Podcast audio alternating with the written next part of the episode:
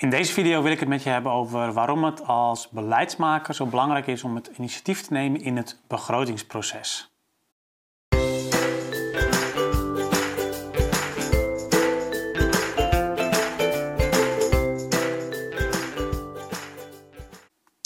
Ja, financiën. Het is natuurlijk een um, onderwerp wat bij veel corporaties toch is voorbehouden, in ieder geval in eerste instantie aan de afdeling financiën.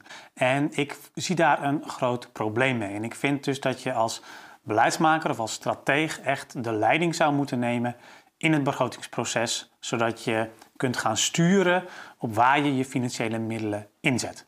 Ik zie gelukkig ook al hier en daar wat corporaties dat ook echt doen. Hè? Dus dat echt de strategen, de beleidsmakers leidend zijn in het begrotingsproces. Maar volgens mij is dat ook bij jouw coöperatie, als dat bij jouw coöperatie nog niet zo is, is dat een goed idee om te gaan doen. Nou, waarom is het nou zo'n probleem dat de financiële afdeling uh, de leiding heeft in het begrotingsproces? Dat is niet omdat ik uh, de mensen niet aardig vind van financiën of omdat ik denk dat ze niet de goede dingen doen.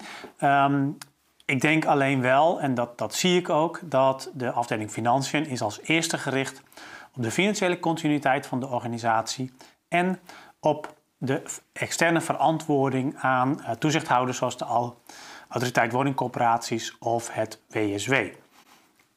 Nou, op zich zijn dat twee hartstikke belangrijke dingen uiteraard. Hè? Dus dat de financiële continuïteit van de organisatie moet ook geborgd worden. Dat wil gewoon zeggen dat je niet failliet gaat uh, en dat je op een duurzame manier je exploitatie kan doen. Um, je moet natuurlijk ook gewoon voldoen aan de normen die externe toezichthouders aan je opleggen. En je wilt ook niet um, in voortdurende discussie zijn met de externe toezichthouders, want daar gaat ook alleen maar tijd en heel veel energie in zitten dan. Dus dat zijn twee hele belangrijke dingen. Maar toch um, ja, moet dat niet te veel op de voorgrond staan. Want het zijn wel twee zaken, hè, dus die financiële continuïteit en de externe verantwoording. Het is randvoorwaardelijk en het leidt op dit moment wat mij betreft te veel af van waar corporaties echt voor op aard zijn. En dat is uiteindelijk maatschappelijk resultaat boeken. Of het nou gaat over betaalbaarheid, of over het bouwen van nieuwe woningen, of verduurzaming. Het gaat om het maatschappelijke resultaat en um, nou ja, dat kan natuurlijk lokaal verschillen, maar daar is wel de, ja, de overeenkomst tussen corporaties. Uiteindelijk ben je er uh, voor de maatschappij um, en moet je dus dat maatschappelijke resultaat boeken. Dus nogmaals, financiële continuïteit, um, externe verantwoording, belangrijk, maar wel randvoorwaardelijk. En dat betekent dus, dus dat je als strateeg, als beleidsmaker, hè, dus als degene die um, afwegingen maakt en voorstellen doet voor welk maatschappelijk resultaat je wilt gaan halen, wat je wilt doen aan betaalbaarheid, hoeveel nieuwe woningen je wilt gaan bouwen, waar je uh, wilt renoveren, waar je wilt verduurzamen, et cetera, et cetera. Um, daar moet ook ja, een actieve rol van uitgaan van die beleidsmakers en strategen. Misschien ben je er wel eentje. Um, als het gaat om het uiteindelijk financieel vertalen van die uh, voorstellen, van die beleidsvoorstellen en van die strategieën.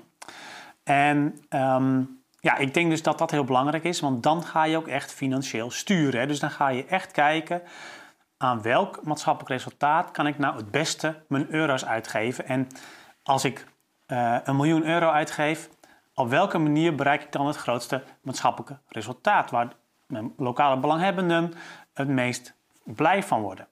Is dat door de huren te verlagen of is dat door nieuw te bouwen? Dat zijn dan de keuzes die je moet maken. En die moet je echt vanuit je beleid en strategische overwegingen gaan maken. Nou, ik denk dat je inmiddels wel um, doordrongen bent van het belang daarvan. Ik heb dat in ieder geval uh, geprobeerd uh, duidelijk te maken. Dus als je dat wil, dus je wilt echt gaan financieel gaan sturen en dat is het belangrijkste. Volgens is natuurlijk ook nog steeds eh, die continuïteit en, en, en externe verantwoording randvoorwaardelijk. En, dat, en randvoorwaarden, dat betekent dus ook dat je daaraan moet voldoen. Maar het gaat uiteindelijk om de financiële sturing. Nou, hoe ga je dat dan doen?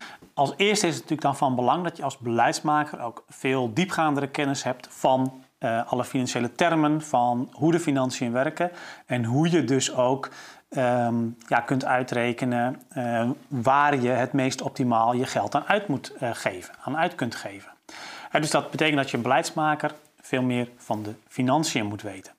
En dat gaat verder dan een training, hè, de, nou ja, zoals ik ze ook geef. Maar dat gaat er ook om dat je daar op dagelijkse basis mee bezig bent.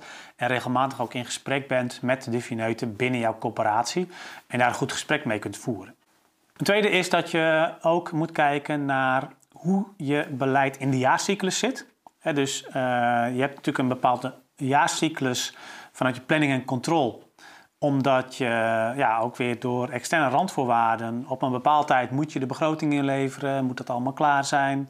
Um, dus dat betekent terugredenerend ook dat je op een bepaald moment je beleidsinput moet kunnen geven.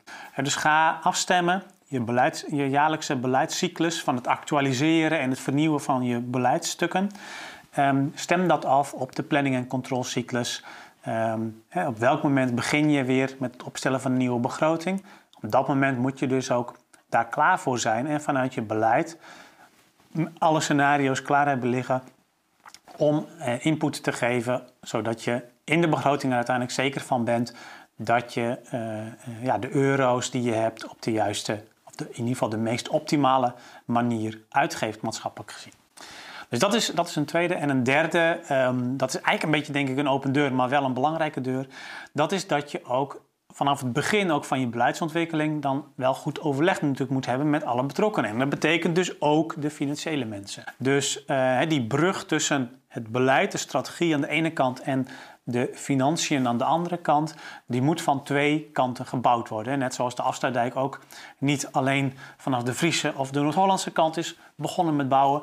Die wordt, is vanaf twee kanten is daarmee begonnen met bouwen. Zo moet dat hier ook. Dus niet alleen als beleidsmaker moet je meer kennis gaan krijgen van de financiën. Zorg ook dat je de fineuten binnen jouw coöperatie, de financiële mensen, ook vanaf het begin al meeneemt in de beleidsontwikkeling. Zodat je ook al vanaf het begin kan nadenken over waar zet ik nou mijn financiële middelen het meest optimaal in. Um, en wat zijn ook de randvoorwaarden waarbinnen ik dan, waarbinnen ik dan moet gaan werken. Nou, ik wens je daar heel veel succes mee om dat te doen. En ik denk dat het ook een hele belangrijke opgave is om dit te doen. Want uiteindelijk, uh, dat hebben we natuurlijk ook gezien in uh, alle studies die er zijn eh, geweest over de opgave van de coöperatie aan de andere kant en de financiële middelen die er zijn aan de andere kant. Um, dat past niet altijd. Dus dat betekent dat je de beperkte middelen toch zo optimaal mogelijk moet uitgeven om zoveel mogelijk maatschappelijk rendement mogelijk te maken. Bedankt voor het luisteren naar deze podcast. Wil je nieuwe afleveringen ontvangen? Abonneer je dan op deze podcast. En kijk ook eens op onze website corporatiestratege.nl voor meer praktische tips en downloads die jouw werk als corporatiestratege makkelijker maken.